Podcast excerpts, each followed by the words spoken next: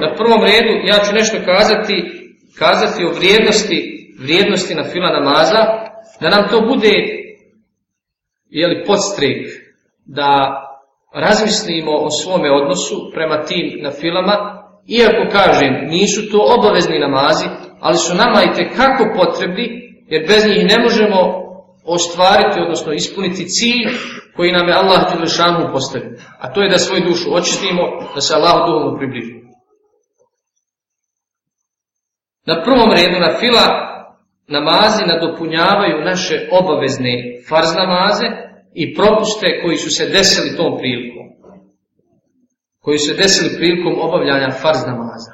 Mi znamo, kažem, da su da vrlo često u životu ovaj, nismo uvijek dobro skoncentrisani, niti smo dobro raspoloženi, pa nam se desi da svoje farzove obavljamo eh, onako više formalno, bez neke duhovnosti, bez skrušenosti.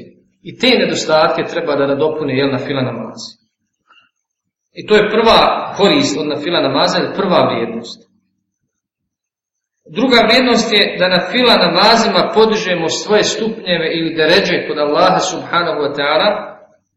I to nam je svakako cilj. I na fila namazima brišemo svoje grije.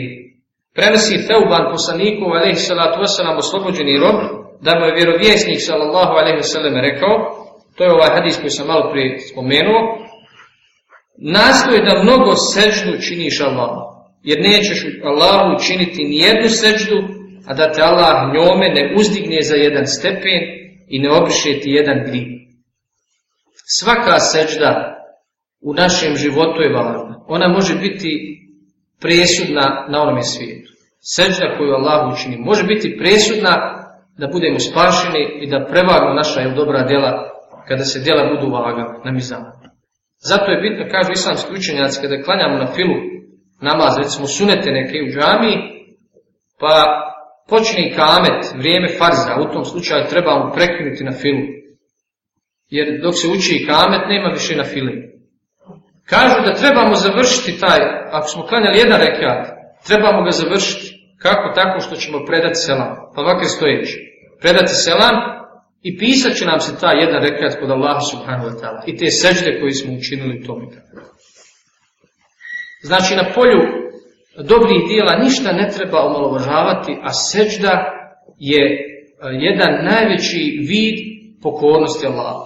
Kada najčasnije mjesto jeli, na svome tijelu spuštamo na, na tle, odnosno spuštamo na zemlju i padamo Allahu iz pokornosti, priznavajući mu da smo zaista njegovi robovi. I to je najvrednije djel. Mnoštvo na fila, na fila namaza je jedan od najčešćih uzroka ulaska u džennet, u društvu sa poslanikom Alehi Salatos. Ja sam napomenuo da su prve generacije muslimana bile poznate po tom ibadetu bile su poznate po mnoštvu ibadeta, posebno namazu i učenju Kur'ana. I oni su, te prve generacije su nama najbolji uzor. Iako su u tim vremenima oni sigurno imali manju potrebu za jeli, dodatnim ibadetima od nas. Mi živimo zaista u poznim vremenima gdje kažem gdje je kriza i morala i duhovnosti i svake druge vrijednosti. Zato je nama imamo veću potrebu za, ovaj, za, za ibadetom. Da ono što potrošimo od te duhovne energije, da to nadoknadimo kroz na file. Prenosi Re, Rebija ibn Kabel Eslem i radijallahu anhu da je rekao, kaže, načivao sam sa Allahom i poslanikom, alaihi salatu wasalam, pa sam donosio vodu za abdest i druge potrebe. Jedno mi je rekao, traži, poslanik mu je rekao, traži. Kaže, rekao sam mu, tražim da budem s tobom u džanetu. Pogledajmo ambicija kakve su, kakve su imali ashabi prve generacije muslimana. Nisu tražili ništa od ovo dunjalučkih blagodati, iako su mogli. Mogli su, kao što su oni beduini tražili poslanika, jel? Kada su tek ulazili svojim riječima u islama srca im nisu bila još čvrsta imanu, Tražio se od Muhammeda alaih sallatu wasallam, daj mi stado, jeli, daj mi metka od toga koji posjeduješ. A ovaj ashab koji je bio jeli, odgojen u školi poslanstva, kaže, tražim da budem s tobom u dženetu, ništa više. Nikakve doline, jeli, ovaca, ni zlata, ni dinara, ni dirhema. Kaže mu poslanik, ali je sva tvrsa nam, pogledamo poslanikove mudrosti, kaže, ili tražiš nešto drugo, on ga jeli, ispituje, provjerava ga, da li možda tražiš nešto drugo, da nije šta od unjavruka, pa kaže, to je ono što tražim, rekao sam, to je ono što tražim, ništa ništa. On mi je potom rekao, pomozi mi u odgoju tvoje duše mnoštvom seđdi, odnosno na fila namaza. Kažu islamski učenjaci da su, da su ovdje pod seđdama, misli na na fila namaza. Pomozi mi u odgoju svoje duše mnoštvom seđdi. Poslanik Ali Isalat Vesalam je bio jeli, učitelj ashabima i njihov odgajatelj i najbolji uzor i on ih je odgajao i ovoga je ashaba posavjetovao da mu pomogne mnoštvom seđdi. Tako i mi u našem odgoju. Mi odgajamo sebe, jel tako, uglavnom pojedinačno, kroz znanje, kroz, kroz ibadete, Zato trebamo imati na umu da su sečte, da su namazi, posebno ili na fila namazi, da su i tekako e, važni na putu odgoja naše duše. Dobrovoljni namaz je nakon borbe na Allahovom putu i nakon stjecanja znanja najvrijednije dijelo koje čovjek može učiniti. Kako kažu islamski učenjaci, jeli? Na prvom redu, po vrijednosti i po odricanju, jeste borba na lavom putu, gdje čovjek zalaže svoj život i metak, nakon toga ide stjecanje znanja, misli se na znanje o vjeri prije svega, pa i sva druga znanja koja su od koristi za muslimana pojedinačno i za, za društvo u kojem živi. Kaže, prenosi Teuban, jeli, radi Allah Anhu, da je Allah poslanik, ali je sam rekao, budite ustrajni u dijelima, ali sva dijela nećete obuhvatiti. Znajte da je najbolje dijelo koje činite vaš namaz. Najbolje dijelo koje činite vaš namaz. A samo pravi vjernik redovno uzima abdest. Ovaj hadis nam govori da čovjek bez obzira koliko bude nastojao da obuhvati sva dijela popornosti i namaz i post i sadaku i hađ, učenje Korana i sva druga dijela, nije će moći sve obuhvatiti. A najbolje dijelo od tih dijela, od svih tih dijela je namaz. I kaže, a samo pravi vjernik redovno uzima abdest. Ovo ukazuje da, jeli, onaj ko redovno uzima abdest, naravno redovno i klanja, a pravi vjernici redovno klanjaju i redovno obavljaju namaz. Dobrovoljni namazi koji se obavljaju u kući, donose bereket ili Allahov blagoslov. Prenosi se od džabira da je Allahov poslanik, alaihi salatu wasalam, rekao, Kada neko od vas završi sa farz namazom u svojoj džami ili svome mesđidu, neka i za svoju kuću ostavi udio od svoga namaza. Jer će Allah dati dobro u njegovoj kući od namaza koji obavlja. Poznato je da je na fila namaze u koje spadaju svi suneti koji se klanjaju redovno u svakodnevno uz farz namaze, najbolje obavljati u kući, najvjedniji, što ne znači da se ovaj, ne, treb, ne mogu obavljati u džami. Kod nas je običaj ovdje, ovdje glavnom tradicija na ovim prostorima da se obavljaju, da se sunneti obavljaju ovaj, u džami. Mada imamo i druge na file, na, fila namaze koji se mogu i trebaju obavljati u kući, kao što je noćni namaz, kao što je duha namaz, druge namaze koje ću kasnije spomenuti. Ali na fila namaze je najvrijednije i najbolje obavljati u kući. Zbog čega?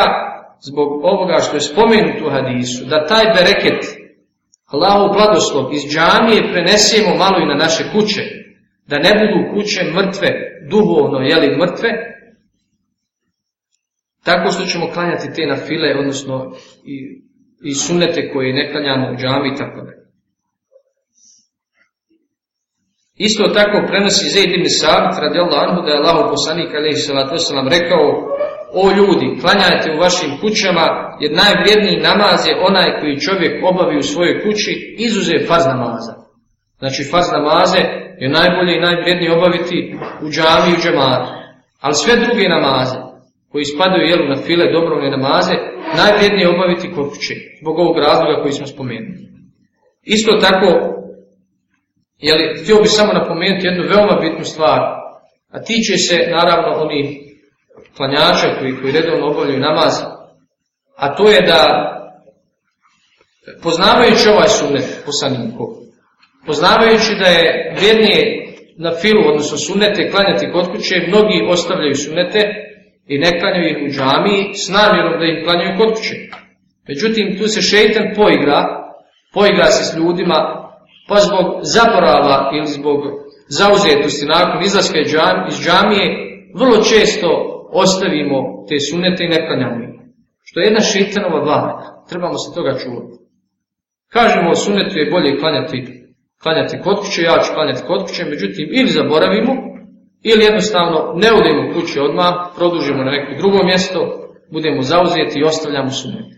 A te sunete, posebno one potvrđene koje je poslanik Ali Salat Veselam redovno obavljao, ne treba ostavljati. Ne treba, ne treba ostavljati. Jer poslanik ali salatu vesselam neke sunnete, odnosno neke na fila namaze, nije ostavljao čak ni na putovanju. Kao što su je li ovaj sabahski sunneti i kao što je vitr namaz, ako uzmemo je mišljenje i stav da je vitr potvrđeni sunnet, a ne važi. Zato a, prije svega ili posjećam sebe pa i vas da obratimo pažnju na ovaj bitan moment ovaj, da baš oni ljudi, ove nove generacije muslimana, ja tako nazivam, uglavnom mla, mlađoj generaciji i omladina, da za, zapostavljaju sunnete. Što je naravno pogrešno. Pogrešno je propuštamo veliki hajr, lišili smo, odnosno uskraćen nam je veliki hajr i propuštamo velike vrijednosti koje donose ti suneti, jel, odnosno ti dobrovni namazi. Kaže, imam i nebevi, u ovom hadisu, kaže, postiće se da se namaz klanja u kući, iz razloga što je tako namaz kriveniji od pogleda ljudi. Sami smo upući, sami klanjamo i to je bliže iskrenosti. Dalje, kaže od toga da se obavlja namaz radi ljudi i više je zaštićen od uzroka propadanja. Također namaz u kući nam donosi bereket Allahov blagoslov radi namaza nam se na kuću spušta rahmet, Allahova milost i dolaze meleke, a šeitan bježi iz kući. To sve razlozi zbog koji trebamo na file obavljati u kući a, a razlozi su svakako veliki i ovaj.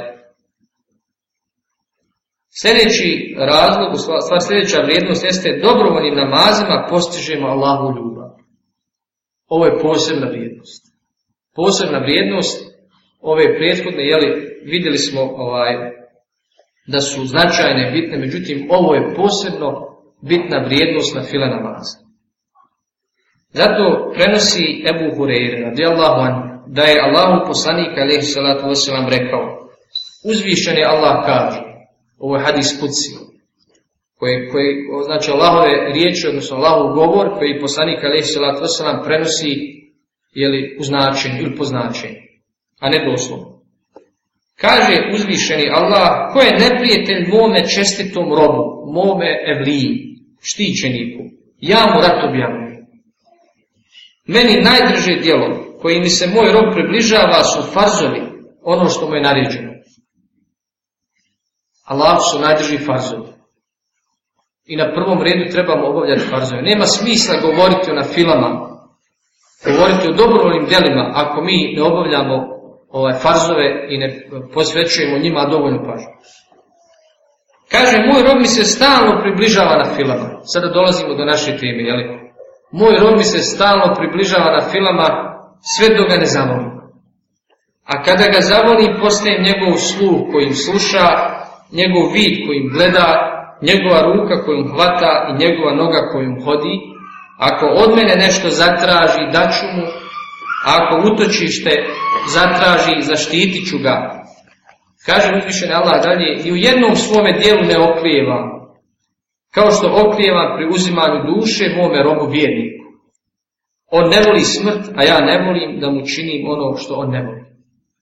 Ovaj hadis prije svega jeli, govori o nekoliko važnih stvari, a to je prva je da su farzovi na prvom redu. To je naša prva jeli, dužnost i prva jeli, obaveza koje trebamo posvetiti najviše pažnje. Drugo da kroz na file ne samo kroz namaz, na file imamo i na fila post, imamo na fila ili sadak, imamo na fila zekate, to je sadaka, dobrovna sadaka, i sva druga dobrovna djela, mi se kroz njih ili preko njih Allahu duhovno približavamo sve dok nas Allah ne zavoli. A kada nas Allah zavoli, onda smo njegovi jeli, štićenici, odnosno njegove evlije, u pravom značenju riječi, evlija, jeli, to su oni koji su bogobojazni, iskreni i koji Allaha nikada ne zaboravljaju. I onda Allah jeli, je stalno uz nas, imamo stalnu podršku Allahu, stalno nas upućuje, stalno nas štiti, čuva i upućuje na ono što je dobro. Postići Allahu ljubav nije lahko.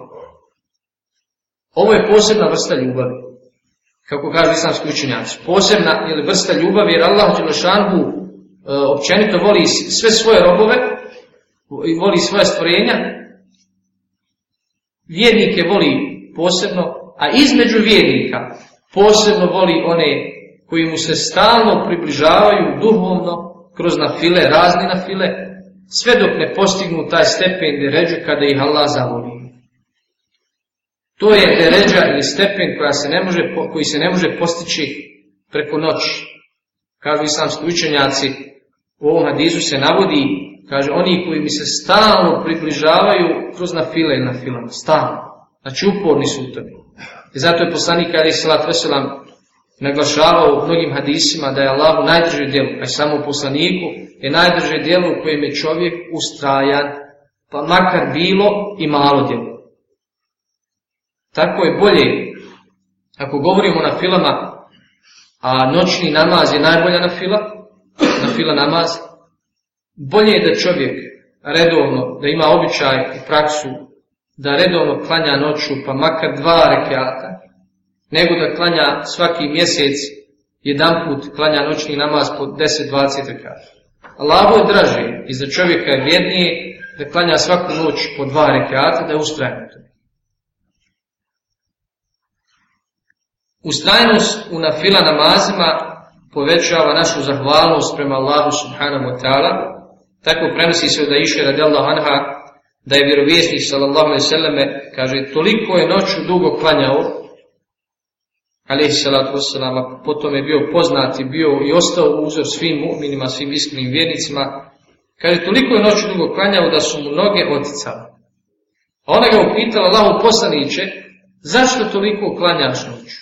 Zašto klanjaš toliko kad su ti oprošteni i raniji grijesi i oni budući, jeli, u stvari svi su ti grijesi oprošteni, unaprijed. A on je odgovorio, zar ne treba biti zahvalio? Zar ne, zar ne treba biti zahvalio Allahom Naša dužnost, ili kao, kao Allah i robova, između ostalog je da se Allahu zahvaljujemo na svim blagodatima kojima nas je obasuo, na blagodati imana, na blagodati stvaranja što nas je stvorio, što nas je putio na pravi put, na svim drugim blagodatima sluha, vida, razuma, porodice i metka, na svakom zalogaju koji unesem u sebe, na svakom butlaju vode. A najbolji način zahvali Allahu je da mu seđu činimo.